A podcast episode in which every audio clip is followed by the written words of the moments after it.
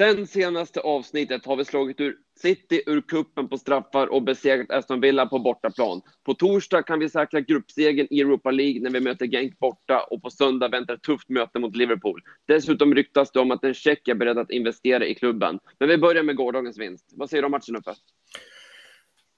Ja, jag vet inte var jag ska börja. Ärligt talat, jag, eh, jag vet ju inte ens om det är rätt lag jag håller på längre. Det är, eh, de spelar så fruktansvärt bra fotboll och eh, är så oerhört stabilt. Så att jag tittade faktiskt här och kan ställa frågan till er. Kommer ni ihåg senast West Ham förlorade på bortaplan och vem det var mot? I Premier League alltså. Nej, det gör jag rak arm. Måste var varit våren, våren. Måste varit i våras va? 17 april eh, 2-3 borta mot Newcastle.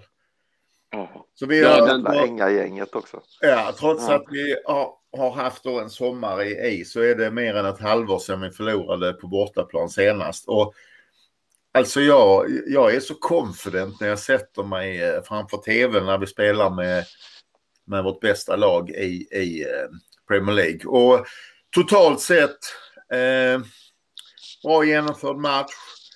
Eh, jag vet att någon av frågorna var inne på det, men jag är lite super Fornals. Han är ett halvt steg fel i försvaret. Och, och han, det är inte det att han är fel, utan han är lat. Han orkar inte ta det sista steget. Ett halvt steg ner så, så kommer de inte igenom till det målet.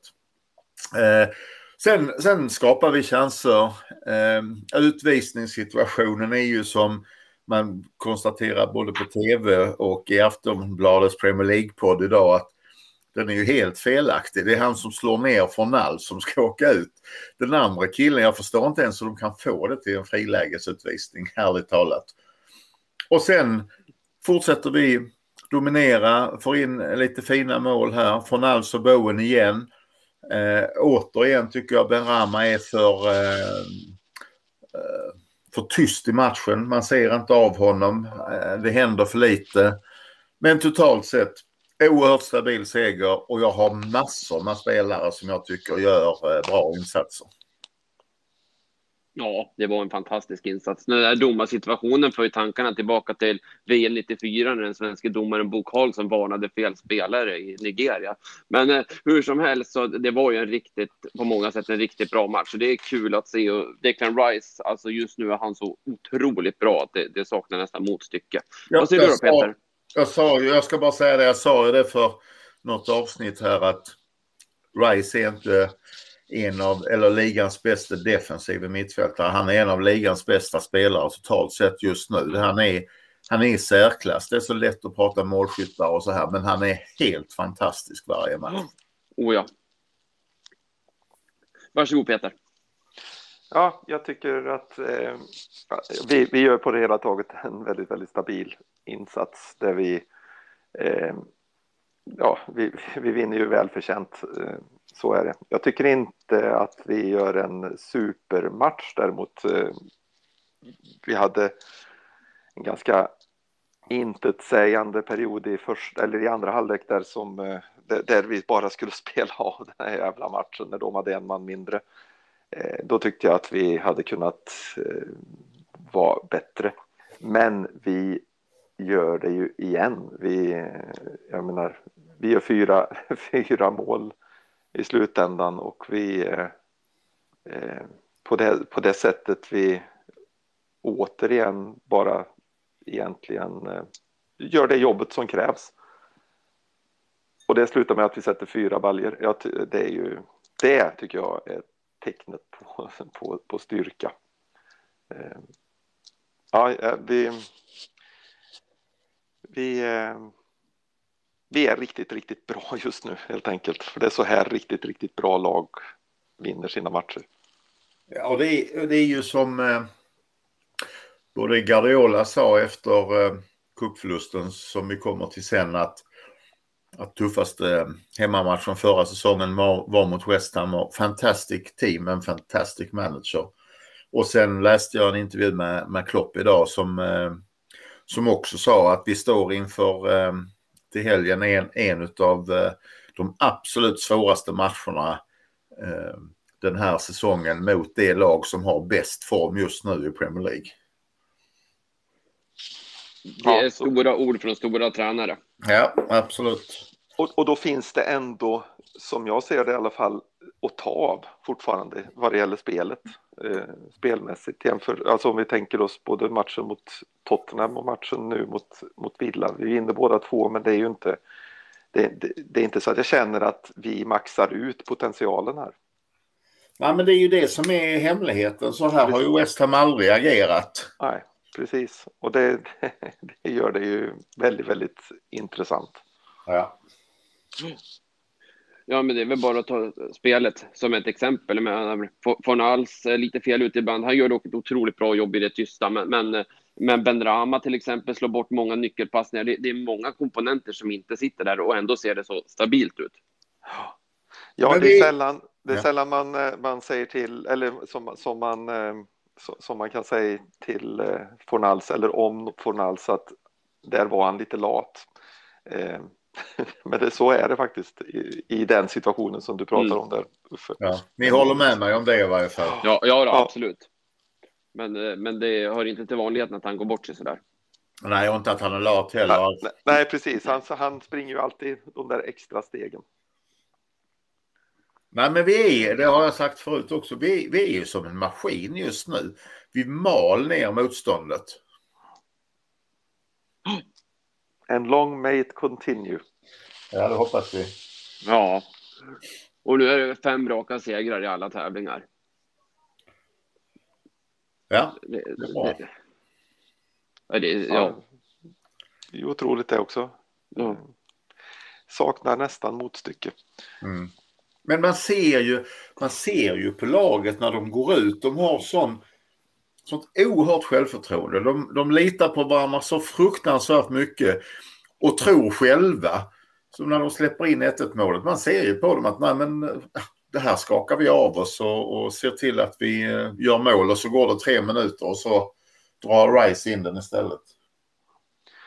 Ja, eh, precis här är det ju så, vi, vi har ju två, eh, jag skulle säga vi, vi gör två rätt enkla mål, de två första. Eh, han har ingen bra dag, deras målis. Nej, det, alltså om man säger, jag skulle säga så här, de, de ser inte otagbara ut, men de är så exakt slagna med tur och skicklighet precis utanför hans räckvidd. Så att jag, och och bollen studsar precis också där den inte ska studsa för målvakten. Så jag, jag, jag tycker det är, det är hårt att, säga att han ska ta de bollarna. Ja, för, an, Rice skott ska han ju aldrig, alltså det är ju från åtta meter utanför straffområdet eller något sånt där. Det är ju långt håll, studsar två gånger. Eh, den är, men vi sätter dem. Det är ju bara, det, det, det, är bara så det är och det är bara så det ska vara. Och hade vi inte satt dem så hade vi satt någon annan. För vi, vi är i den formen just nu att det liksom, det, de här lagen stoppar inte oss. Eh, får vi se när, ja. när de börjar göra det. Men som det är nu så är det liksom eh, Ja, de gick upp till 1-1 och vi bara går upp och så tar vi ett anfall till och så blir det 2-1 det, det har varit så, alltså det, det, det, är symptomatiskt för hur det ser ut för tillfället. 20 poäng på de första, ja vad har vi nu då, 11 matcher va? 10, 10. 10 matcher, ja. Det mesta antalet poäng som vi har, som, för som, vi, som klubben har haft under den tid som det har funnits trepoängssystem. Eh, på de första tio matcherna. Det är ju helt eh, vansinnigt bra. Mm. Verkligen. Mm. Ja, det är riktigt, riktigt spännande. Ja, oh ja, det är fantastiskt. Den här utvisningen som du var inne på, jag håller helt med där. Det är, det är den första, det är ju en riktig, det är en riktig MMA-tackling han åker på. Armbåge rätt upp i, på hakspetsen. Det är ju ren tur att inte det går värre än vad det gör. Ja. Mm. att inte han blir helt knockad. Men vad den, hände där? Den, alltså... den reprisen som de, som de visade, som de inte visade efter matchen. Jag vet inte riktigt varför de inte, inte visade den mer, men eh, de visade den ju när innan domaren skulle gå ut och kolla på, på VAR-situationen. Då visade den, den den ju kanske tio gånger på 30 sekunder. där syns det ju. Han bara fäller upp eh, armbågen rätt upp i hakan på honom. Det måste ju vara en utvisning. Ja, det kan inte vara något annat. Ja, ja, och hur de kunde missa den är helt obegripligt och så nästan lika obegripligt att de hittar en utvisning i sekvensen efteråt. ja, precis. Ja, för det, det, var han ju inte ens, då hade han ju inte ens bollen under kontroll. Han var ju siste man, så var det ju, men det är inte säkert att han hade varit det när han väl hade kommit fram till bollen. När, när domaren springer ut så, så säger jag ju till sonen bredvid att det är en solklar utvisning. Precis som du säger så rullar ju ja. reprisen. Sen när man ser domaren stå och titta på skärmen så är det ju inte den situationen Nej. han tittar på. Och, och jag skriker ju här, här hemma. Nej, men ni måste titta på rätt situation. titta inte på den, titta inte på den. Precis, jag har exakt samma reaktion här. För det, då var man ju nästan så här istället att han kanske till och med tar bort frisparken. Ja, exakt. Alltså, för inte, inte vet jag om, den, alltså om, man, om man liksom fäller honom eller inte. Det var ju som de sa i, i studion efteråt. Att på de repriser vi ser så ser man ju ingenting. Nej, precis. Men, men sen, sen så ska vi faktiskt vara glada att inte Boen blir utvisad när han knuffar uh, på mm. spelaren där. Ja, det blir lite, lite och det är en ganska tuff uh, satsning. Uh, som, mm. Det är väl Fornals som går in där också va? Ja, precis. Men så är det. Mm. Storlagen får domarna med sig. Så är det. Men, ja, men, men, men, för att spinna vidare lite på utvisningen då, är det inte lite märkligt att det blev så att Villa fick energi av det där och inte vi? Vad sa du att Villa? Fick energi, energi av det. Alltså, det känns som att det var de som liksom vaknade till liv av det där. Ja, men är det, är det inte... Förr sa man alltid det att, att eh, det är svårt att spela mot ett lag med tio man. De, de kunde ta kommandot på ett annat sätt förr i tiden. Jag upplevde det så igår. Men sen i långa loppet så, så orkar de inte liksom. Och nå, någonstans så var det väl också så att det, det, det smyger sig ju in en, eh, en, liten säkerhet också för att vi var ju det klart bättre laget innan det. Mm. Mm. Eh, och det är klart att den här, den här säkerheten som smyger sig in gör att, att det, man, man sänker, förmo, förmodligen sänker man li, li, lite grann, man, några procent intensitet och, och sen är de andra där. Ja, ja men så är det. Så är det. Och, och, det är där jag menar att vi har potentialen till, eh, till förbättring framför allt. Mm. Eh, att, eh, att, för där, där sjunker vi lite grann i det samtidigt som de då får, de får satsa allt på ett kort naturligtvis. Precis. Och när vi sen vänder på den eh, och gör 3-1 målet där vi har där de har ett, ett rätt bra läge eh, som, de, som, som, som, som vi bryter, då är det ju, ja, då faller de ju fullständigt naturligtvis. Mm. Det som är intressant är ju att den stora diskussionspunkten inför matchen det var ju om Johnson skulle spela kvar eller om man skulle ta in Sofall istället. Och eh, jag var ju väldigt tydligt på den sidan som ville sätta in Sofall istället. Men eh, en fingertoppskänsla. Johnson gör en väldigt bra match. Han gör mål. Sitt andra mål i karriären. Eh, så att eh, jag ska nog inte tänka så mycket utan jag ska bara se vad Mois gör och så håller jag med efteråt. Jag skulle säga att, eh, att han gör sin, sin starkaste insats i den här matchen, Johnson. Jag tyckte han var suverän mot City också i kuppen. Ja, men det är något annat känner jag när det är kupp och när det är serie. Men det är helt, helt så var det. Han var bra då också. Mm. Men det var som jag, alltså hans Mois bevekelsegrund för att ta ut, ta ut Johnson här måste ju vara det att vi hade väl inte släppt in ett enda mål med, med Johnson på planen den här säsongen. Nej, precis. precis. Eh, och eh, ja, det, det, kan man ju inte riktigt protestera mot naturligtvis. Nej, nej. Och framförallt inte i facit i hand när vi ser hur bra det blev. Nej, nej, nu går det inte att protestera. Nu, nu är det väl snarare bra att eh, Sofall fick en match till där han, eh, där han får vila ljumskarna. Om det nu var ljumskarna som han hade problem med så är det en sån. Det, det är ju en överansträngningsskada oftast och eh, då och, och ofta en sån som gärna kommer tillbaks. Så det är nog inte, inte så dumt om man får får lite mindre, eh, lite extra vila och lite mindre belastning framöver när vi har en duglig ersättare. Han får spela Europa League tillsammans med Jarmolenko och Vlasic och Lanzini. Mm. Ja, precis. Men nu kanske han inte behöver spela varje match, varje minut som han nu har gjort ja. de senaste, ja, senaste säsongen. Ja. Känns det tryggt också att vi har den bredden? Ja, det, det var ju inte så länge sedan som vi inte hade någon bredd alls. Där har vi ju faktiskt tre spelare som kan spela som högerback. Ja.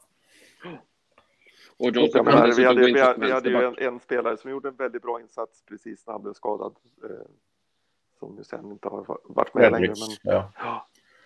men vi har ju faktiskt fyra spelare, för Antonio har ju också spelat. Eh...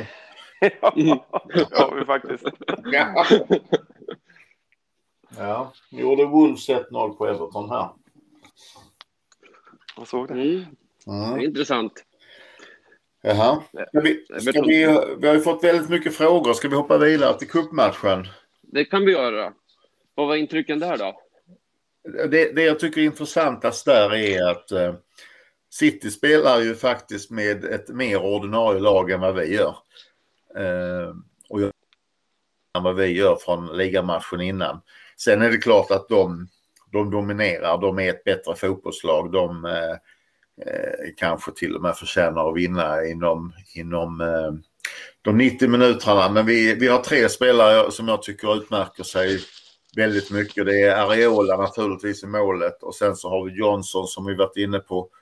Och sen tycker jag Vlasic gör en jättebra match och som jag sa förra veckan, ja, han behöver ha ett mål eller en passning eller någonting bara för att få ännu mer självförtroende. Jag tycker att han, han, eh, han visar att han vill mycket. Han har kommit in i gruppen, han, han tar till sig av energin och, och visar det. Sen, sen är det ju en dröm och mardröm att få se West Ham i en, i en straffläggning och, och eh, att vi vinner den även om jag var ju helt säker på att Ben Rama skulle missa ärligt talat. Så, nej, otroligt eh, kul att få få slut Carabao Cup-mästarna gånger fyra. Ja, verkligen. Det var, vi gjorde en, med tanke på vilka vi spelade med och vilka vi spelade mot så tycker jag vi gjorde en helt formidabel insats. Eh, bara en massa utropstecken egentligen. Ja. Försvarsmässigt, försvarsmässigt eh, strålande. Klart bästa insatsen av de han har gjort hittills för Ariolas eh, del. Mm. Eh, ja, det var, det var kul att se.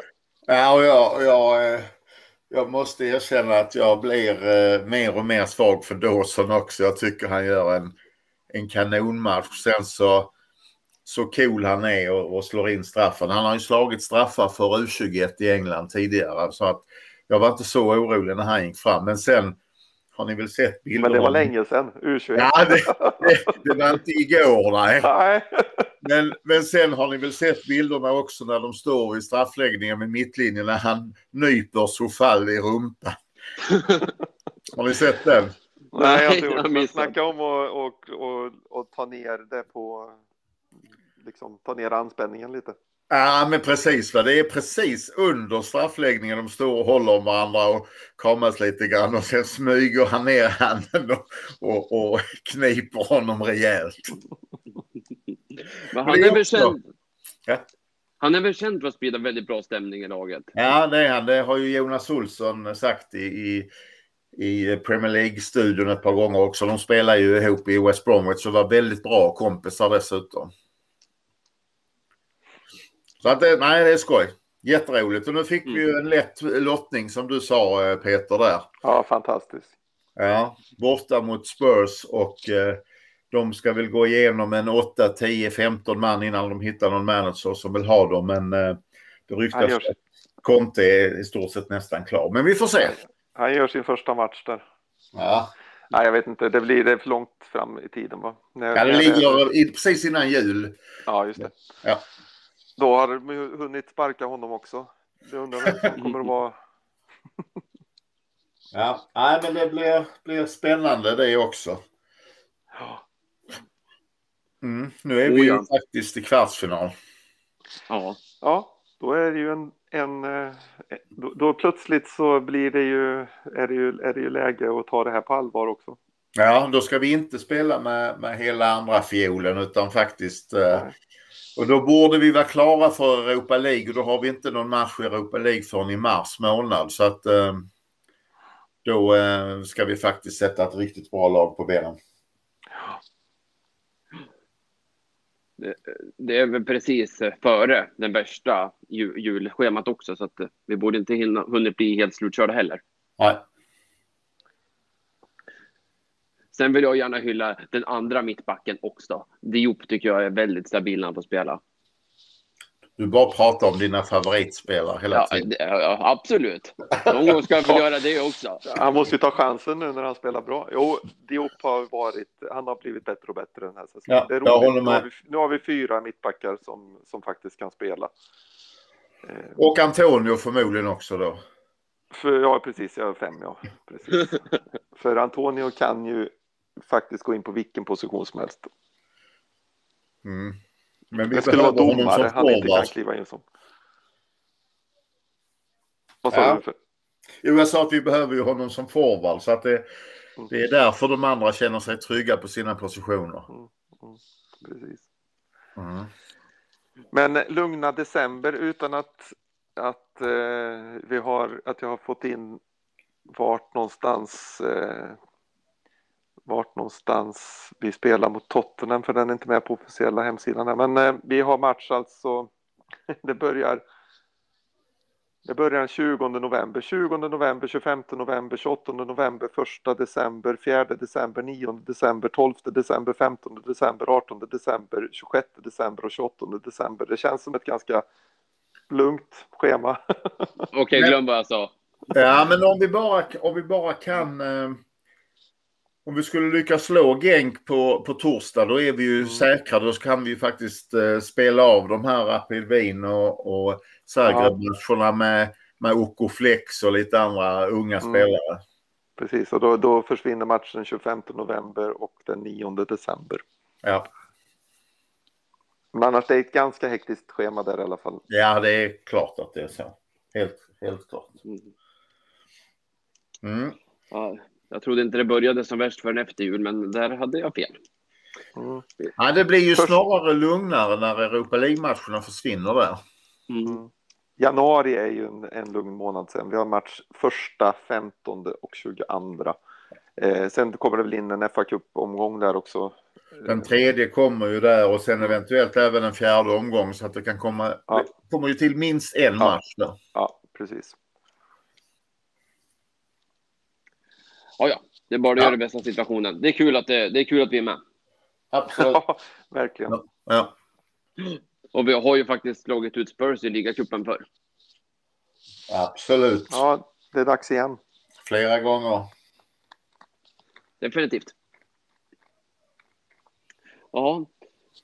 Eh, hur känner ni nu då inför söndagsmatchen då? Eller för, för, för en sak i taget, inför torsdagen. Vi var ju där och snuddade. För en seger där är vi ju, om inte helt klart så åtminstone i praktiken klar gruppetta. Vi borde, och den, den chansen borde vi, borde vi naturligtvis gå för. Eh, vi har två matcher kvar och sen är det, en, är det landslagsuppehåll igen eller? Ja, efter Ja. Liverpool-matchen. Ja. Helt hopplöst. Men eh, ja, vi har två matcher och sen så och sen får de vila, vad inte säga. Det får de ju inte för de ska ju på landslags, landslagets samling kanske, men eh, lite lugnare borde det väl vara där. Vi, vi ska ta tre poäng mot Genk. Ja, vi ska, vi ska sätta ett bra lag. Eh, eh, sätta ut ett bra lag så att vi faktiskt kan, kan vila senare. Det är bättre det än att vi ska sätta gruppsegern på spel genom att förlora mot Genk och helt plötsligt så är det två lag som bara är tre poäng efter oss. Mm. Så att, eh, nej, vi, vi, eh, vi ska förhoppningsvis framförallt se till att vi inte förlorar, det är det viktigaste. Och naturligtvis kommer det att vara så att vi kommer att spela ett lag som precis som det har varit tidigare i, i Europa. Eh, en del spelare som roterar beroende på hur de, hur de mår och vilken belastning de har och så där. Men, eh, men en del spelare kommer också att vara de som vi spelar med eh, normalt sett. Så att det kommer, det kommer att bli en, eh, en lite roterad elva, men kanske lite mindre roterad än, än den har varit tidigare, tycker ja. jag. Mm. Ja, absolut. Men annars ganska liknande de andra matcherna mm. som varit i Europa League. Ja. Ja. Vilket bevisligen också är ganska starkt. Ja, precis. Jag menar, här blir ju en backli det blir ju Areola, det blir eh, Sofal, eh, eh, det blir Diop och det blir Dawson som backar. Cresswell spelar. Det är ju backlinjen, den är ju rätt så okej. Okay. Lanzini spelar på mittfältet. Zuzek eller Rice. Du har Kral också som kan komma in i... Ja, om han är tillbaks. Jo, det är han. Okej. Okay. Uh, eh, ja, och sen ska vi ha Jarmolenko som klackar lite på, mm. i anfallet också. Antonio får, får vila som vanligt. Ja, precis. Jag tro. precis. Sen är det ju eh, toppmöte på söndag då. Där, om resultaten går rätt, vi kan gå upp på andra plats i ligan. Och jag förutsätter att det är precis som vanligt när Premier League-studion drar igång att trots att det säkert är någon annan match också som är intressant så nämner de inte ett ljud om den utan pratar bara om stormötet West Ham-Liverpool? Det förutsätter jag. Och 90 eh, procent av tiden kommer att ägnas åt Sala. ja, fast jag, jag får säga, jag var ju jag var väldigt nöjd igår när de visade både intervju med, med spelare efteråt och med Johnson och Rice och sen så med Mois eh, dessutom. Det, det var verkligen lite extra lök på laxen. Ja, det var det. Det var det. Men eh, Liverpools resultat i helgen, spelar det oss i händerna eller, är det, eller spelar det oss ur händerna? är det ett tecken ja. på att de är på väg ner i form eller, ett, eller är det bara en blipp i, i, deras, i deras formtopp och att vi får sota för, för det? Det är omöjligt att svara på. Jag tror det jag tror är att de kommer ju eh, gå in och försöka spela sitt vanliga spel. Men jag är också helt säker på att de har en väldig respekt för oss. Så att jag, eh, det kommer ju en fråga om, om det också senare, men jag, jag tror att Mois kommer att vara ganska försiktig i, i sin uppställning. Det blir det vanliga laget och att vi kanske har en position 3 till 7 meter längre ner i banan än vad vi har annars. Eh, jag tar det, alltså Liverpool är ju såklart ett bra lag, det är inget snack om det, men de har ju sex vinster och fyra oavgjorda på den här, så att jag tar det här, den här oavgjorda matchen som att de inte, alltså de är inte oslagbara. Det går att ta poäng av dem. Det går till och med att vinna om man har allting bra, för att ibland så, de har enorm kvalitet i lagen, ibland så känns det som att de inte riktigt får till det. Så att eh, jag tror att eh, det är i alla fall ett tecken på att det går att ta dem. Ja, de har ju, är det, är det någon lagdel som de jag inte tycker de håller den klassen som de gör på många andra positioner så är det ju faktiskt mittfältet. Så att den striden ska vi kunna vinna och, och det kan vara oerhört eh, värdefullt i våra omställningar och våra Boen från Alls, Ram Rama, Antonio spel.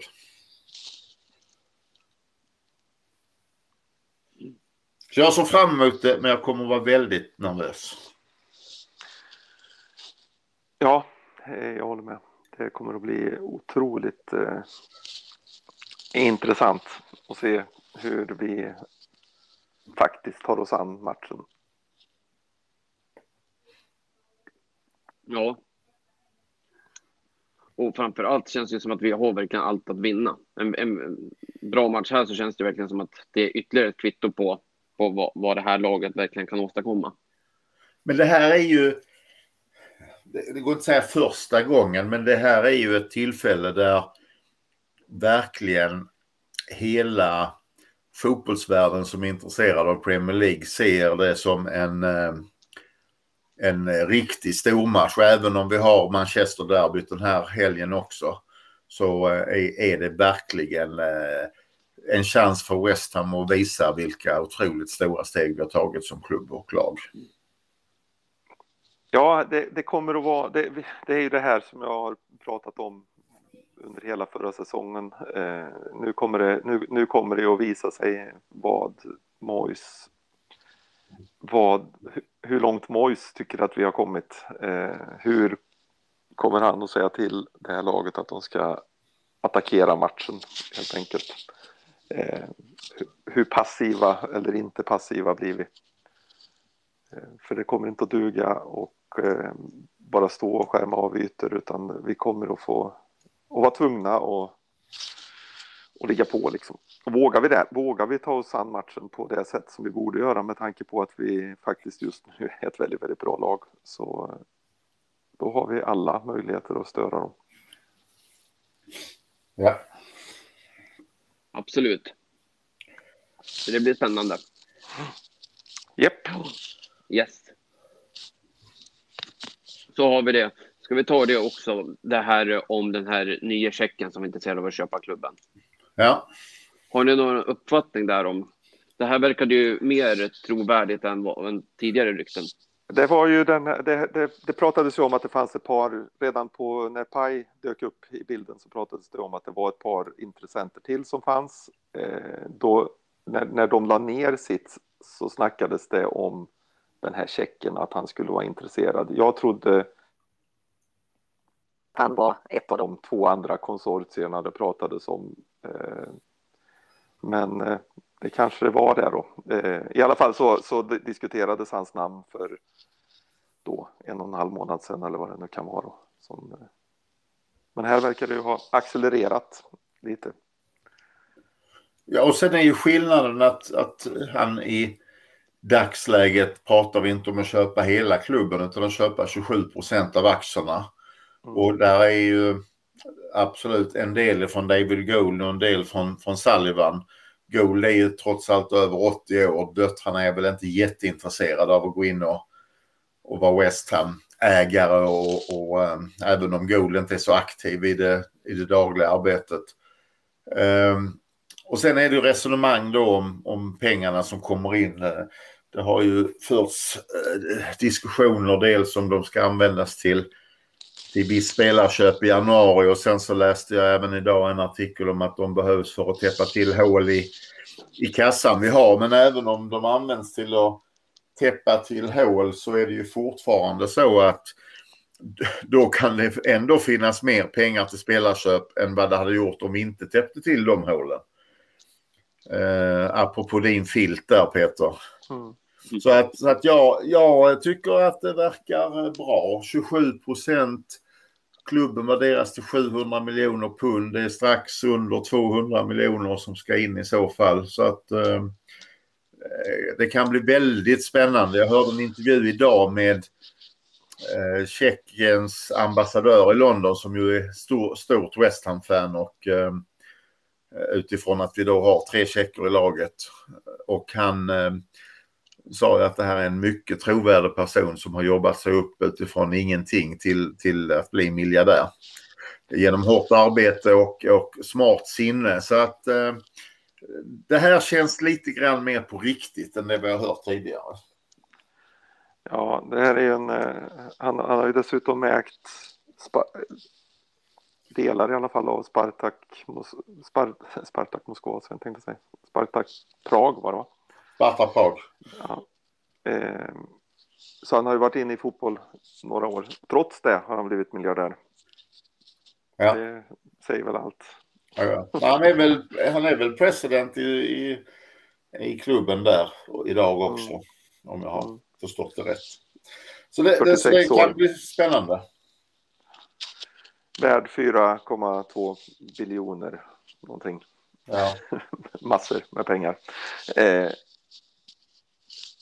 ja, vi, det, det, är bara att vänta och, och, se här också naturligtvis. Se vad, vad det blir. Det pratas om mellan 150 och 200 miljoner. Därmed att klubben då värderas till någonstans mellan 550 och 700 miljoner. Det, det, får, vi ju, det får vi ju se helt enkelt.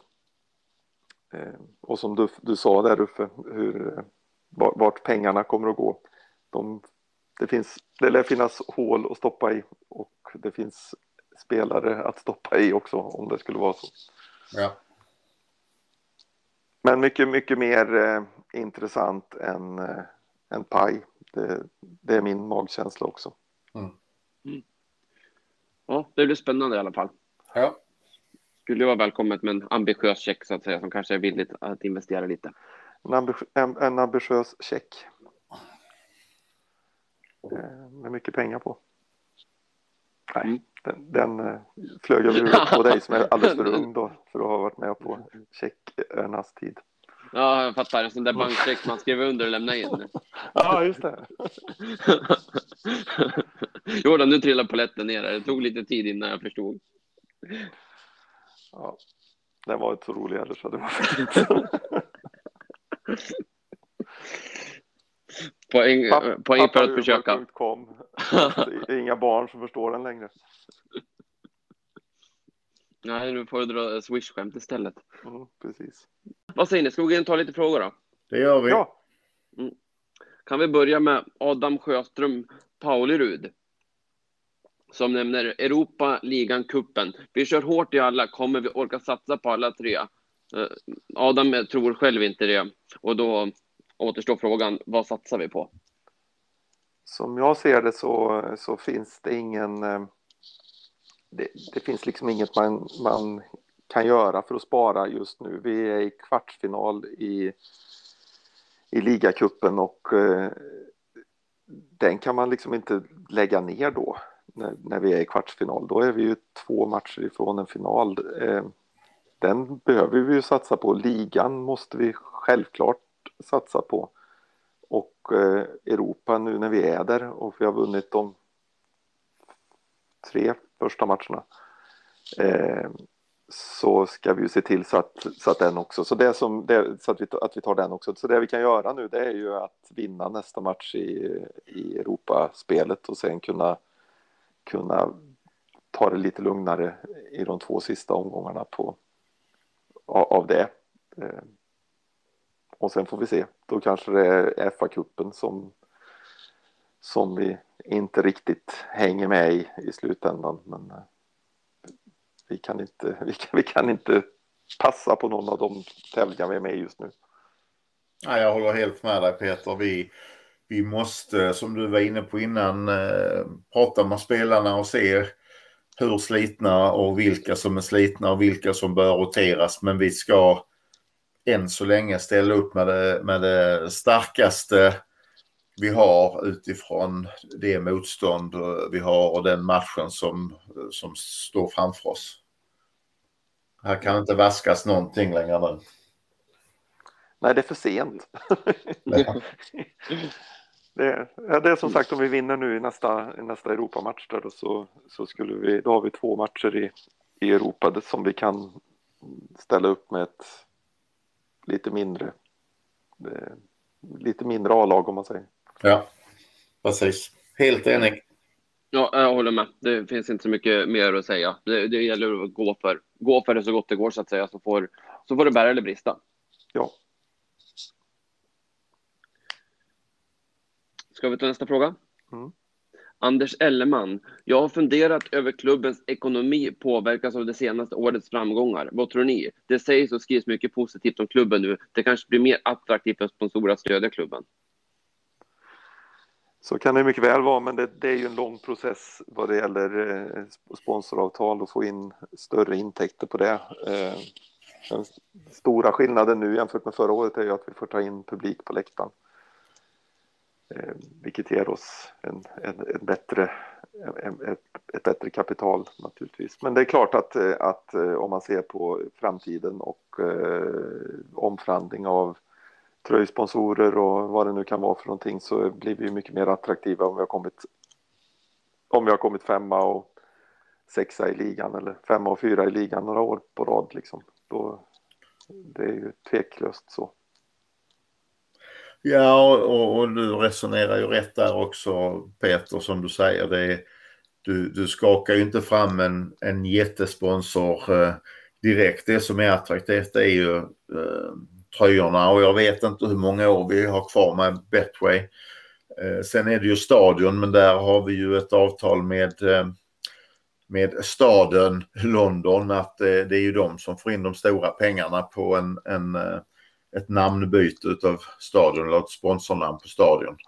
Så att, Precis, där, det... där hänger, hänger, vi bara med när, när det passerar en viss summa pengar så, så, får vi också pengar för det. Ja, exakt. Så att jag tror inte att det är några stora pengar sponsormässigt. Sen, sen eh, får vi naturligtvis några miljoner pund mer för bra eh, och kanske bättre placeringar vi har budgeterat för och sen har vi siffrorna men där har vi också ett eh, stort antal säsongsbiljetter som ju var betalda detta året oavsett om vi har publik eller inte. Så att jag eh, tror eh, vi har större hål än vad vi får extra pengar tack vare att det går bra.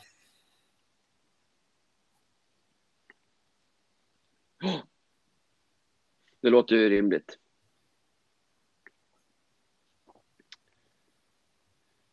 Ja, ska vi låta frågan vara besvarad där med? Mm. Ja. Mm. Kan vi gå vidare? Då har vi lite längre frågor här. Vi kan börja med Pertti Viljanen som dels börjar med att berätta hur han började hålla på Western. Så den historien kan jag börja med att läsa upp och sen kan vi ta frågorna sen. Det låter bra. Mm. Pertis anledning var slumpartad.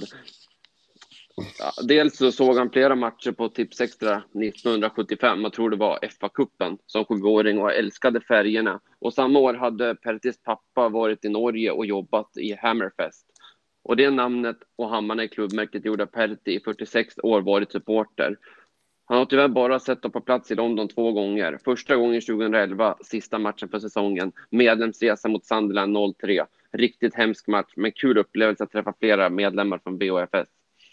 Andra matchen var på London Stadium 2019 med sin yngsta son Mikael och vi vann faktiskt quizen och fick en signerad bok och även då träffade jag trevliga medlemmar. Vi fick även fina bilder där som jag kan lägga ut i sociala medier sen.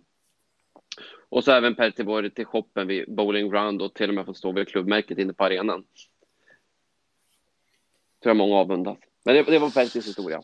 Ja, jag tror inte att det var, jag, tror inte, jag tycker inte det låter som slump. Jag tycker det låter som att, eh, att det var bara så det skulle vara. Stjärnorna stod bara på rätt ställe för honom. Mm. Vad är det man säger? Vad är det, vad är det Céline Dion sjunger? Love can touch us one time and last for a lifetime and never let go till we're gone. Ja, du säger det så bra. mm. Men den här medlemsresan som Pertti pratar om, var ni med på den? Jag var med. Jag var inte med. Jag var med och höll i quizet. Eh, och boken som man fick som var signerad var, var eh, eh, den senaste av, eh, av eh,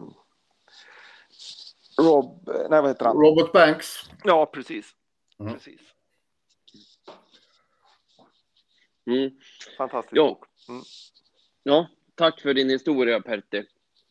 Det är jättetrevligt att läsa sådana här historier. Ni, ni andra får jättegärna fylla på. Men för att ta lite frågor som Pertti fyllde på med så nämner dels matchen mot Liverpool och undrar, tror ni Moist går i samma fälla igen och bara backar hem, rädd för att förlora istället för att faktiskt våga vinna mot Liverpool? Det har vi ju berört redan. Har vi något ja, jag, hoppas ju verkligen att, jag hoppas ju verkligen att han, eh, att han eh, släpper lite på, på ja, att, han, att han vågar gå för det. Eh, inte så att vi ska tok offensivt eh, satsa allt vi har framåt, inte alls, men vi måste på något sätt ha en, en aggressivitet och, och kliva ut och, och, visa att vi, att vi vill och kan. Eh, det tror jag är nyckeln här. Gärna, ja, eh, Pertti hade väl en annan ett annat resonemang där kring hur han tänker att vi ska vad vi kunde göra taktiskt va? Han hade en idé om hur vi ska stoppa, stoppa Salah. Ja.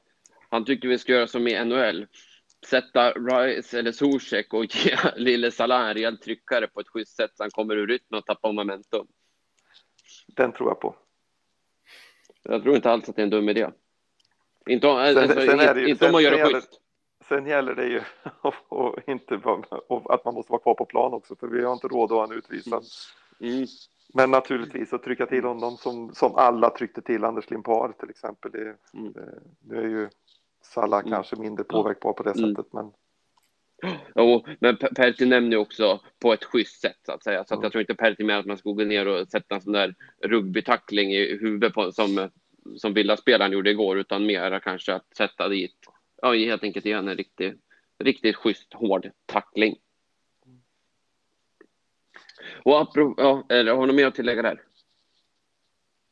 Nej, eh, men om man kan ge de klockorna så tror jag att vi skulle kunna mm göra oss eh, eh, det skulle kunna vara bra att sätta dit en eller annan spelare till där, Mané och mm. vad de nu heter. Mm. Jag tror att vi, vi, har, vi har fler spelare som vi behöver plocka, plocka ner lite. ja, kanske blir, kommer mer likna amerikansk fotboll än europeisk fotboll med det resonemanget. Men en kreativ tanke i alla fall. Men vi kan ju gå vidare på det, för att vi har fått in eh, två frågor till, från Niklas Johansson och Anders Moberg, som båda är inne på det där. Hur får vi stopp på Salah? Och Niklas Johansson nämner även Mané. Har, har vi några andra lösningar än just att möla ner dem? Nej, men det, det kommer väl att att bli tufft. Jag tycker då som sagt Jons, både Johnson och Ellers och Fall har ju varit väldigt bra på den kanten. Det är ju, det är Cresswells fart. Han kommer att få det tufft eh, mot eh, Salah. Så att eh, eh, det tror jag är nyckeln vem som ska stötta upp Cresswell i defensiven och då kanske Lanzini är ett bättre val än Benrama. Så att eh, Uh, ja, det, det, det, kommer att bli väldigt spännande. Det går inte att förneka att det är en otroligt bra fotbollsspelare. Ja. Ja, ska vi gå vidare? Mm. Martin Lundberg, han ställer också flera frågor, så att vi tar väl en i taget. Den första är kanske mest till Uffe. Eh, när du var över och såg matchen i Europa League, vilket spelarnamn är populärast på ryggen bland supportertröjor? Berg. Men eh, efter det namnet eh, så skulle jag säga att eh, Rice och Antonio är de som eh, sticker ut mest. Eh, sen är det lite blandat med Cresswell är inte, är inte helt fel eh, att ha. Finns någon Ben Rama också, någon Boen, men, men just Rice och Antonio sticker ut väldigt, väldigt mycket. Mm. Det kanske inte kommer någon större överraskning. Nej. Tänkte annars att många kanske skulle ha Nobel just i år eftersom det är hans sista säsong. Men, eh, men eh, det är klart, vi har så många nu. Eh, sen fortsätter Martin. Går det att uppskatta vad RISE innebär i souvenirförsäljning i rena pengar? Nej. Eh, jag har, jag jag, jag är av åsikten att det finns inga miljarder att göra på tröjförsäljningar i Kina. Eh, det är inte så det fungerar riktigt i, vad det gäller tröjförsäljning. Men eh, det enda, det enda jag såg, eh, och det är faktiskt första gången jag har sett det, det är att eh, när man kom in i shoppen så fanns där ett rejält ställ det första du kommer fram till med tröjor färdigtryckta i alla storlekar med nummer 41 och Rice på ryggen. Mm. Men det är bra. Att han liksom får den, får den vad ska man säga, uppmärksamheten, att klubben liksom gör honom liksom till ett varumärke. Ja. Jag tänker annars att, eh, att eh, de som köper tröjor köper tröjor i vilket fall som helst och sen så, så nu mm. köper de tröjor som står 41 Rise på ryggen. Det kommer de att göra fler om, den, om det kommer att vara så enkelt att köpa dem. För så har det inte varit innan riktigt mm. utan då har, det ju, har man ju fått be om att få den eller den tröjan eh, med namn på. Men tröjorna hade ändå sålts, i alla fall när det gäller den här kategorin spelare som vi har. Mm. Absolut. Men det är klart att, eh, att vi kommer att se fler som har RISE på ryggen. Och det är jag väl värd. Jag menar, senaste matchen nu var han ju helt otrolig igen. Ja. Ja.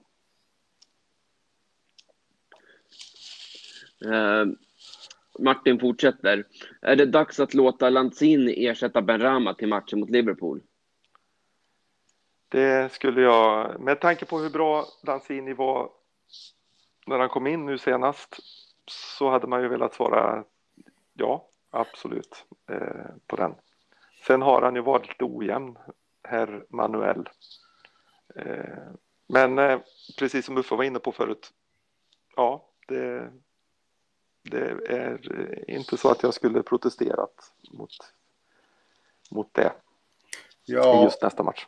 Nej, jag tycker ju att, att Ben Rama har varit eh, faktiskt då minst bra spelare i lite för många matcher på sistone. Och eh, förde ett annat Twitter-resonemang eh, både igår kväll och under dagen med en eh, lyssnare och en West Ham-fan. Och mitt förslag var att låta Ben Rama spela mot Genk på torsdag och att han får ett liten uppmaning att nu får du faktiskt visa vad det går för ifall du ska behålla din plats till, till söndagens match.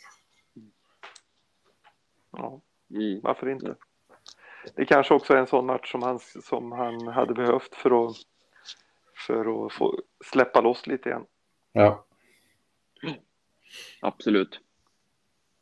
Jag får hoppas att det gör det. Det finns ju mycket i honom, men just nu så är jag också beredd att faktiskt ge Lanzini chansen. Ja, Lanzini, Lanzini har ju otroligt mycket fotboll i sig också, så, så är det ju. Det är ju hans, det är ju den skadan han fick i landslags inför VM nu för lite för länge sedan som, mm. eh, så, som man inte riktigt har hämtat sig från. Men visst finns det mycket fotboll i honom. Mm. Då var han ju vår bästa spelare skulle jag säga. Ja, han var riktigt bra då. Det är som någon, någon sa att han gör inte mycket mål, men han gör de avgörande målen. Den säsongen så avgjorde han väl en match mot eh, Tottenham på London mm. Stadium vill jag minnas. Och sen så gjorde han väl något viktigt eh, cup. Var, var det inte han som gjorde mål mot Man United den här säsongen? Och så och så 3-3 målet mot Tottenham förra. Så att... Ja. Han kan vara en stor, han kan vara en stor, stor match, matchhjälte. Ja. Mm. Eh, Martin fortsätter att med tanken på Johnson har visat sig himla bra på högerbacken och Topal redan finns där. Om vi säljer Masuaku är Cress ensamt alternativ till vänster. Är en vänsterback högsta prio tillsammans med en striker i januarifönstret? Ja, jag skulle absolut säga att eh, det nog är eh, nummer två på, på listan. Sen har vi ju Johnson som har visat att han kan spela på den kanten också och göra det väldigt bra. Men, men eh, striker är nummer ett och sen så tycker jag i dagsläget att en vänsterback är nummer två.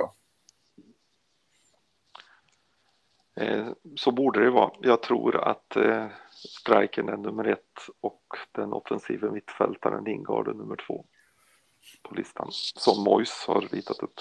Ja, det kan du säkert ha rätt i. Det är nog inte omöjligt. Men eh, nej, jag, jag håller i alla fall med om att en vänsterback också behövs. Men, ja. men jag vill också ha en striker i första hand. Ja, och, och den är ju intressant. Vi vill ju alla ha en striker i första hand. Eh, och det, det är ju en som, som då kommer att vara vår, vårt andra val. Så det kommer inte, den, den spelaren kommer ju inte att, och den kommer att bredda, inte, inte förbättra. Eh, en vänsterback hade ju faktiskt kunnat förbättra. Fast jag tror det, det, det, kommer också bli en breddspelare. Jag tycker Cresswell ja. är otroligt stabil för närvarande och varit sista ja, två säsongerna. Så att vi köper inte in en, en, en, en världsvänsterback som går rakt in i laget i ett januarifönster. Det gör vi inte. Nej, och det är ju, det är ju breddning som, eh, som, vi ska, som vi ska göra och, och eh, att få den utväxlingen som vi fick förra året på, i januarifönstret ska vi kanske inte räkna med. Nej, Nej. Men någon form av förstärkning kan man alltid hoppas på. Ja, det kommer ju vara viktigt att, att det blir det. Oh. Och då är, det ju så, då är ju den centrala forwarden den, där vi är som mest sårbara. Absolut mest sårbara. Ja. Det är ju det. Vad gör vi om Antonio blir långtidsskadad? Mm. Ja. Fortfarande Martin. Om klubben får in tjeckiskt kapital, ska pengarna gå främst till att förstärka laget i januari eller att använda en del av pengarna att säkra upp våra spelare på långa och mer lukrativa kontrakt? Vi var ju inne på det lite grann tidigare här. Är det någon, någon, spelare som vi ska säkra upp så är det Rice och eh, då kan han få eh, precis vad han vill ha i lön om det är det som är det viktiga för honom. Men eh, det blir ju en kombination, det är precis som i vår egen ekonomi. Vi, vi väljer inte om vi ska satsa allt på en ny bil eller på en semesterresa utan vi försöker få ihop lite utav alltihopa. Det går inte att åka på semester och inte ha någon bil ifall man behöver det i livet. Så att eh, det, det, det, blir ett resonemang om, om vad vi gör med pengarna oavsett om vi ser dem eh, eller om de plöjs ner i, i träningsanläggningen eller, eller i, en, i någon spelare. Det blir ju en lite kombination av, av det ena och det andra. Men om jag tvingas välja mellan att då signa till exempel, eller till exempel om jag tvingas välja mellan att signa då eh, RISE på ett, läng på ett nytt kontrakt eller en, eh, eller en ny spelare, vilken position som helst, så hade jag sett till att och förlänga med Rice. Om jag hade haft det valet eller om vi hade haft det valet. Eh, för han kommer att vara, skulle han fortsätta vara kvar i klubben framåt längre än vad vi har trott så kommer det att vara, vara otroligt eh, bra och viktigt för oss. Ja, och så men, är det, det är ju precis som du säger. Att, kommer vi ju aldrig att ha, utan det, det, är ju det kommer att vara lite här och lite där. Mm. Tror jag. Ja. Mm.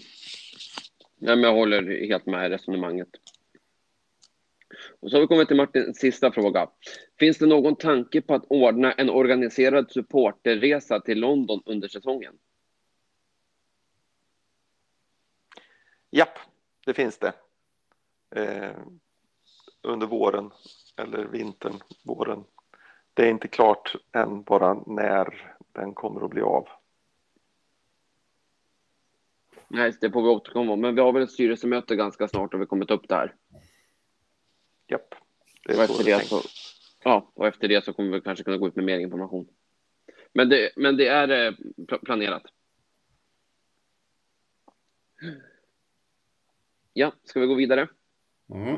Vi har Bengt Olsson som också kommer med mycket frågor. Han eh, börjar med att säga, jag tycker Cresswell varit fantastisk i år, men vid Villas mål igår så undrar jag vad han sysslar med. Stöter upp, upp högt i banan och blir enkelt offer att spela förbi och ger Fornals ett försvarsläge utan understöd som man inte ska ha. Håller ni med?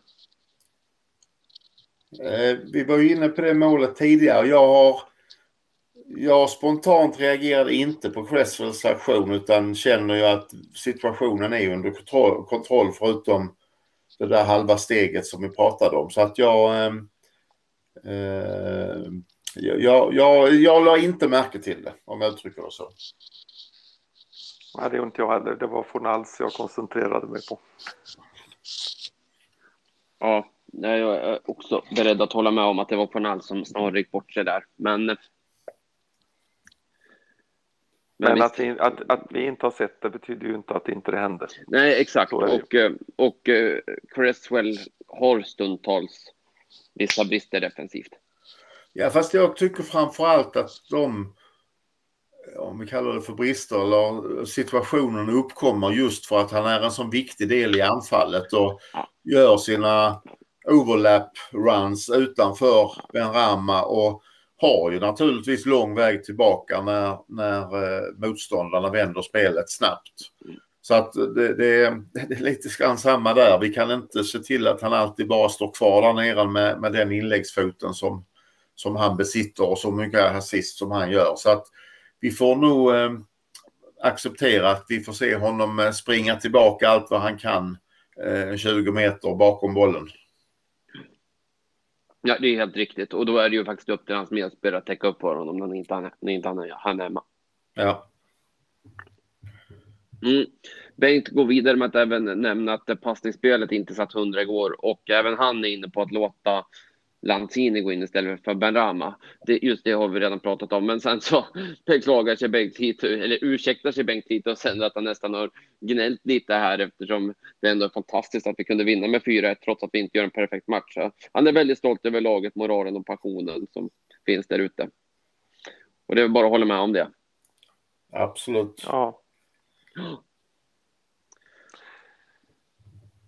Ja, det är inte så mycket att, säga. Det, det, man måste naturligtvis kunna vara, vara, man måste kunna se eh, de problem som finns också naturligtvis.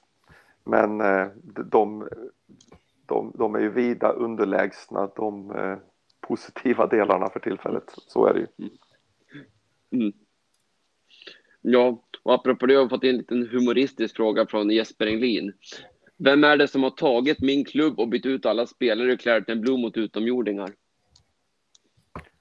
Ja, Kretinski.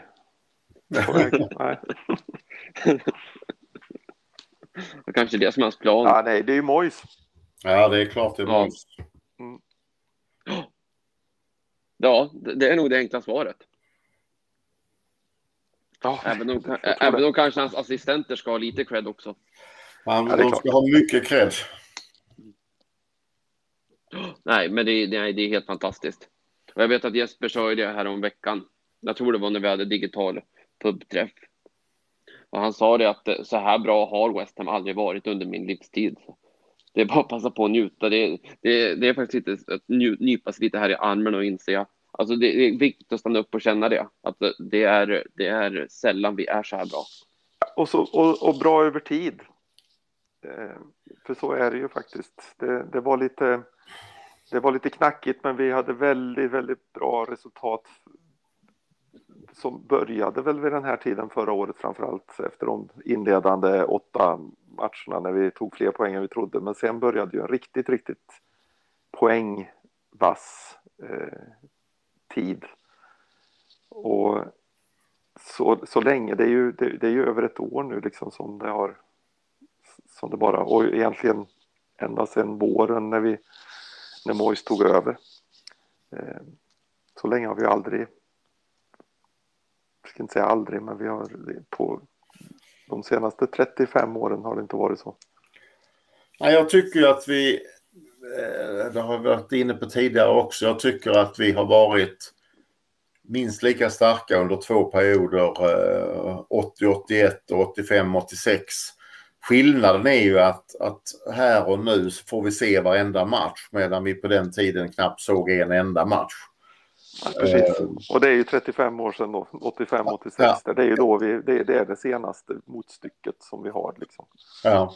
Sen har vi haft uh, vissa perioder som sista säsongen på Upton Park där, där vi också var med och slogs om Champions League-platser ganska långt fram på våren och hade inte Payet skadat sig och varit borta halva november och hela december så vet katten om vi inte hade varit ännu, ännu eh, högre upp. Men, men det, är, det är absolut eh, eh, som West Ham-supporter så är man inte bortskämd med det här och jag fick ju en, eh, en fin liten grej från min äldste son idag där han skrev att han kände så här For the first time ever, someone said to me, You are so lucky you support West Ham. Mm. I felt lucky to be a Hammer for 20 years, but it's nice for someone else to be envious for once. Mm. ja, precis. Ja. Så sant. Ja, ska vi gå vidare? Mm. Har vi återigen fått in så här flera frågor. Det är från Vilgot Gunnarsson som ska över, alltså, över och se en match med vårt säsongskort faktiskt. Kan vi göra lite reklam för här. Men i december. Så han har lite frågor. Han hade varit på London Stadium och var endast 12 år gammal när han var på Bowling Ground. Så han undrar väl först, eh, när brukar man åka mot stadion för att vara med om atmosfären i The Tube så att säga? Om, om jag ska berätta hur jag agerar. Jag brukar ju då, om vi pratar London Stadium, jag bor ju på ett hotell som ligger 5-10 minuter därifrån. Men det, det jag gör är ju att jag försöker åka på något av de här eventen som finns innan. Eh, och om eh, X och Dave har ett av sina, The Western Ways, sina eh, sina event så är jag absolut på den och då börjar det klockan 11 och de har ju alltid Mark Ward är ju värd där och så har de alltid någon annan gammal spelare som är med också som berättar om sin karriär i West Ham.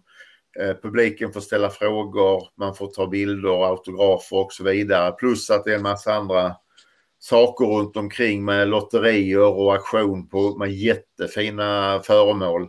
Och sen så för de som är intresserade av det så är det, är det gratis öl och vin dessutom. Eh, och, och och den börjar då 11 och där är jag fram tills eh, det är dags att, att ta sig in till stadion och det är en eh, tunnelbaneresa på 10 minuter. Så att, så att det, det satsar jag på. Annars så rör jag mig omkring i pubbarna från i stort sett när de öppnar 11 och fram till det börjar bli dags för matchstart. Så att det, någon av de två är ju, är ju mina rutiner.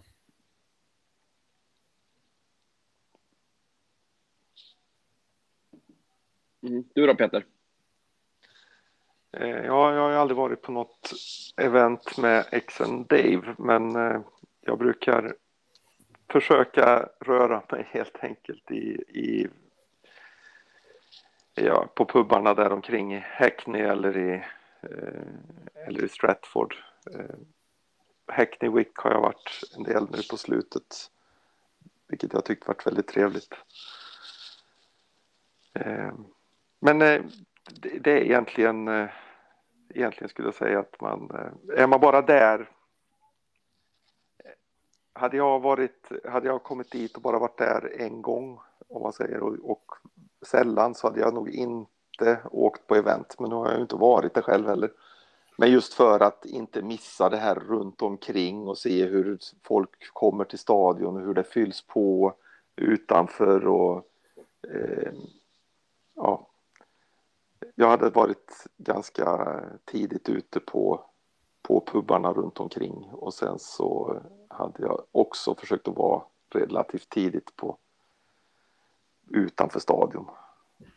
Jag går ju aldrig eh, och tittar i shoppen på matchdagen. Det ser jag ju till att göra dagen innan för det är för, det är för mycket folk eh, där. Nej, det är, en bra, det är, ett, bra, en, en, ett bra tips. Om man nu om man nu bor så till som vi har, har sett till det, för jag har också bott eh, eh, fem, tio minuter ifrån, ifrån eh, stadion. Eh, och då är det ju då, då, är det bra att ha varit på, på arenan eller på arenan på, på eh, eh shoppen tidigare. Ja, och det är väl oavsett ganska skönt att ha varit där. Framförallt om man kanske inte varit där tidigare, att även se arenområdet som man är lite bekväm med. Ja, men här ska gå in och det här är... Så är det ju. Man men... vet det när matchen börjar så, så, är det ju, men bor man då i an, en an, andra änden av London så är det ju lite meck att ta sig ut dit och går ju en mm. halv dag bara för det. Jo, men, men nu finns i alla fall den här sköna delen och det är ju att det, det ligger precis med den röda tunnelbanelinjen. Det är väl Central Line, så det är i alla mm. fall lätt att ta sig dit, även om det tar lite tid. Ja, precis, det, det är många linjer som går, som går förbi. Det är en väl det är ju ganska stor skillnad att ta sig dit jämfört med att ta sig till gamla eh, Upton Park. Mm, absolut. Jag brukar också åka, åka tidigt ut till arenan, alltså egentligen så fort, så fort eh, jag egentligen vaknar. Jag vill vara där. Och sen så beror det lite på vad jag känner för. Men event har jag aldrig varit på, men däremot runt omkring. Jag tycker om att vara i närheten vid pubbarna och att eh, när man känner atmosfären och kanske hälsa på några, några, några andra West Ham-supportrar så att säga. Men hade jag varit där några gånger så att jag hade gjort allt det, då hade jag gärna gått på de här eventen. Så det, hade, jag, hade jag ju mm. velat nu då till exempel. Mm. För eh, eh, det är klart att det adderar ju.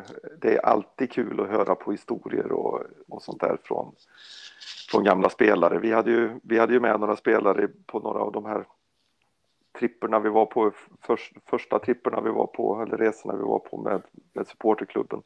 Och det är ju jätte, jätteroligt faktiskt. Så att, eh, ja, kan man göra det så Ja, just, just de här eventen, det, det, är svårt att förklara. Det är lätt att, att man tror att det här är jätte, jättestort, men det är det ju inte. Det är kanske max 200 personer så att det är ju så att du pratar med X och Dave personligen. Du pratar med Mark Ward personligen. Du pratar med den spelaren som är där och får möjlighet till det också. Så att det är, det är väldigt intimt och Mm. de som är där är ju allihopa hardcore West Ham-fans. Så att man, man träffar verkligen mycket trevliga personer och, och eventet hålls ju på en pub dessutom. Så att man, man får allt det där eh, som man får även runt arenan.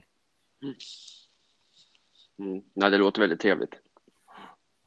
Mm, men, apropå, men apropå pubben match, Vilgot undrar, eh, ligger det i närheten av arenan? Vart samlas man och hur är atmosfären?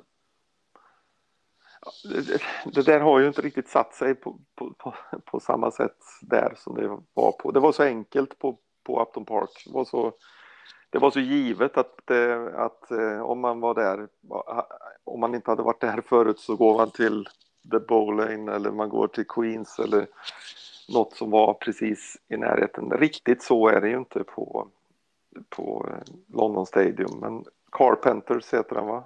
Eh, ja är ju en sån där det är väldigt mycket supportrar och väldigt trångt och väldigt mycket sång i alla fall när man går förbi utanför ser det ut som det.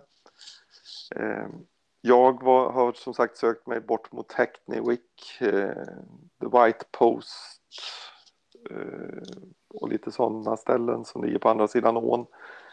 Är trevliga. Eh, men man kan också vara inne i Stratfords centrum finns det ju några stycken också som ni pratade om förra gången. Ni hade några namn där som jag kommer inte ihåg. Cow är ju ja, klassisk. Precis. Men, men du, du uttrycker det ju rätt eh, Peter. Det är inte alls, det har inte satt sig. Det är inte lika lätt som det var på Upton Park. Och även om du inte ville gå på de, de två närmaste pubbarna som du nämner så hade ju pubbar i Plastow eller i East Ham mm. som också var på gångav, gångavstånd, The Black Lion och, och The Danish, vad nu den hette någon. Ja, precis. precis. Så att mm. det, det, det, finns, det finns en del pubbar eh, som är trevliga på andra sidan Stratfords gamla köpcenter. Men då har du ju en bit kvar till arenan. Då pratar vi framförallt om det är lite folk så pratar vi 20-30 minuter. Och, och, så var det ju inte på The Boylen eller på, på Queens. Nej, precis. precis, de låg ju vägg i vägg. Ja, så att eh, det har inte riktigt satt sig men eh, jag, jag behöver ut och hitta lite nya ställen och, och, du och jag har ju pratat om det du har hittat tidigare så mm. att eh, jag, jag, får försöka hitta det och hitta dit nästa gång. Mm. Mm. Ja, det leder väl in lite på det, men finns det några, alltså Vilgot undrar om det finns några West Ham-inspirerade områden där både område och pubarna sympatiserar med West Ham. Det kan man väl egentligen säga att de gör eftersom de ligger precis där, men finns det något specifikt, antar att han undrar? Alltså om man pratar områden så, så West Ham-fans i allmänhet, om vi ska prata om, om områden som är Claret and Blue, då är det ju eh, egentligen eh, i Stratford då och sen så ut mot, mot eh, Ilford och Barking och vidare ut i, Essex och sen om man går inåt stan så skulle jag väl säga att, att Clareton Blue-områdena eh, slutar vid Mile End eller möjligtvis Liverpool Street Station. Mm. Eh, det är, Mile End är ju väldigt eh, typiskt West Ham-område. Så att, men, men det där med pubbarna, vi, vi upprepar oss. Det, det, det, har inte satt sig nu. Vi hade en, jag gillar ju den här Builders Arms. Men mm. den har ju då slått igen som vi sa vid förra ja, eller för, förra avsnittet. Precis. Mm. Och så sista frågan då. Hur kände du kring atmosfären på London Stadium? Nådde den dina förväntningar? Jag har ju varit där rätt många gånger redan och eh, jag har inga problem eh, så här långt med stämningen. Det är klart att det är en eh, mindre intim arena och det märks ju också såvida inte det är något specifikt motstånd eller att man, eh, man, de spelar otroligt bra eller det är extra spännande. Sen som jag också har nämnt tidigare, jag har ju suttit på Upton Park många gånger utan att det har varit någon särskilt bra stämning också. Så att det, det, det är lätt att titta tillbaka och säga det var bättre förr. Men visst var Upton Park en betydligt intimare arena än vad, än vad London Stadium är. Ja, såklart.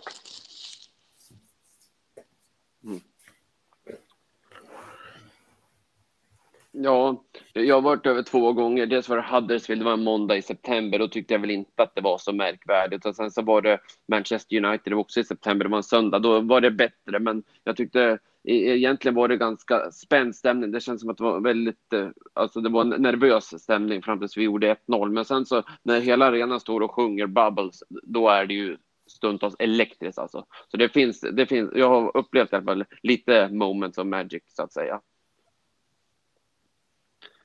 Härligt. Mm. Har du något att säga om atmosfären, Peter? Nej, jag har inget att tillägga där. Det är precis så som, eh, som Uffe säger. Mm. Eh, det är lätt att, att, att titta tillbaks med, eh, med våra färg, färgade ögon och se, se det som att allting var rosenskimrande eller claret and blue. Men så var det ju inte alltid. Men det är fina minnen och vi gör, håller på att göra nya nu. Mm. Absolut. Vi har Johan B Persson som undrar vilken nivå av massivitet ligger klubben på för tillfället och varför är det 10 av 10? Fucking massive. Mm. Ja, det finns inte mycket mer att säga. Det är just nu helt enkelt bara jävligt trevligt. Ja, absolut. Western been fined by FA for being fucking massive. Mm. Precis. Mm. Så har vi Gabriel Montgomery. En utvärdering av nyförvärven. Borde någon av dem få mer speltid även om vi spelar bra för tillfället? Jag tycker nog att vi borde kunna ge Vlasic lite fler möjligheter till lite, lite längre inhopp. Eh, men det är, svårt att, det, är svårt, det är svårt just nu att kritisera Mois för vad han gör. Men det är lite sena byten emellanåt. Men det gör ju alltid. Mm. Ja, nej, jag kan inte heller säga att vi ska ta ut någon. Då, då kan vi ju säga Ben Rama ut och så kanske inte Lanzini in utan låta Blasic få, få chansen. Men då, då känner man sig tryggare med, med Lanzini som har spelat i ligan så länge som han har gjort och har den erfarenheten. Utan de, de får slussas in eh, efterhand. Och det är ju det som är styrkan med, hur vi, med att det går så bra just nu. Att, att vi har råd och vi kan slussa in spelare efterhand. Eh, och det ser jag som eh, väldigt, väldigt viktigt och som en, eh, som, som en eh, eh ja, men en, no, någonting som kommer att, att gynna oss i längden helt enkelt och kunna ha tålamod. Att eh, alla spelare måste inte prestera som Lingard från, från start liksom, utan eh, man kan precis som Fornals eller som ja, egentligen vilka som helst som kommer så, så behöver de oftast en inkörningsperiod och eh, när man inte har råd och, eller har tid att vänta på den här inkörningsperioden det är då det blir problem. Och just nu har vi tid. Jo, men exakt. Det är faktiskt väldigt få som gör en sån omedelbar inverkan som eh, Lingard gjorde förra, ja. förra våren. Ja, nej, men alltså det, det jag, jag, håller helt med. Det jag kan tillägga det är bara att jag är väldigt nöjd med Kurt Schoma. Ja, visst. Absolut. Nu tänkte jag ju inte direkt på honom eftersom det hanterades lite grann om, om det var någon som skulle få lite mer speltid. Men... Han kan inte få så mycket mer. Precis. Nej, precis. Jag tänkte på första meningen, en utvärdering av nyförvärven. Ja, mm. ja det är, vi har sett ganska lite av Krall så här långt av flera anledningar. Jag tror att han mycket väl kan spela på torsdag. Men annars så eh, finns det inget av nyförvärven som jag skulle vilja säga verkar vara en flopp. Utan de har smält bra in i truppen och, och den eh, kamratskapen och gemenskapen som vi har just nu. Absolut. Mm. Så har vi Urban Dahlman. Har vi ligans bästa bortapublik eller har de satt Skys kommentatorer mitt i West Ham-klacken? Vi har eh, ligans bästa bortapublik. Ja, det skulle jag säga också. Ja, sen vet jag inte var Skys kommentatorer sitter, men har de lite gott omdöme så har de naturligtvis satt sig där. ja, precis. Nej, men men eh, vi, vi, har väldigt, väldigt bra bortapublik. Så är det. Det är ju inte... Du har... Eh, det, där, där, där har du helt rätt, Uffe. Och Urban, du kan vara trygg med det. Mm. Ja, men det, är, det är bra ljudvolym, det har man ju genom tv-rutan. Ja, det har ju alltid varit, eh, dels har de alltid sjungit och, och aldrig slutat sjunga och eh, dels har de alltid haft humor även när det har varit inte så bra borta, när inte facit på bortaplan har varit så bra så har alltid West Hams supportrar briljerat. Eh, det är därför de är det bästa bortaföljet. Ja. Yes, då har vi bara en kommentar kvar och det är Henrik Tiselius som nämner att ikväll kan vårt U23-lag som nyss låg i division 2 gå upp i ledningen i Premier League 2. Det kommer tyvärr inte hända för vi förlorade faktiskt mot Leicester, men det är ändå en det har ändå gått bra för U23-laget. Absolut, och det är ju främst Okuflex som har dominerat där med en massa mål. Ja, det är kul. Det finns förhoppningsvis lite talang där som vi kan plocka upp med, med tiden. Ja, det blev ett långt avsnitt det här. Det var frågorna. Har vi något att tillägga innan vi rundar av? Ja, bara att det är fantastiskt roligt att vi får så mycket frågor. Ja, ja. verkligen. verkligen. Nej, det är fantastiskt. Sen hoppas vi att ni står ut med att avsnitten eh, då sväller lite grann. Men eh, eh, nej, grymt roligt ja. med frågor. Ja, men det är så kul. Långa, engagerade, pålästa frågor. Det är otroligt roligt. Det gör ju ja. liksom att podd, podden känns ju liksom väldigt levande när, när ni som lyssnar är med och interagerar med oss så att säga. Exakt. Ja, har vi något slutord? Du brukar ha något bra slutord Jesper. Ja, jag kan väl nämna att eh, tipstävlingen som vi körde här är avslutad. Och att eh, det snart eh, kommer en ny som vi ska hålla ögonen på. Den, men, den, den, kommer, men den kommer efter landslagsuppehållet. Men jag kan säga att det var 65 personer som var med och tippade. Det är otroligt roligt. Jätteskoj. Ja, verkligen. Kul. Och, och så kan vi gratulera vinnaren som blev Fredrik Karlsson i Brunflo. Grattis. Bra jobbat. Bra jobbat. Sen så har vi eh, några till där, men, men det kan vi återkomma till senare när vi har bestämt hur vi ska lösa placeringarna. Så, stort tack till alla som deltog och stort eh, grattis till Fredrik som vann. Så har vi något att tillägga utöver det eller ska vi runda av? Då rundar vi av. Då gör vi det. Så ska ni ha tusen tack för idag så säger vi come on your eyes and forever be blowing bowels. Tack för ikväll. Ta hand om er så hörs vi. Hej hej. Hej hej.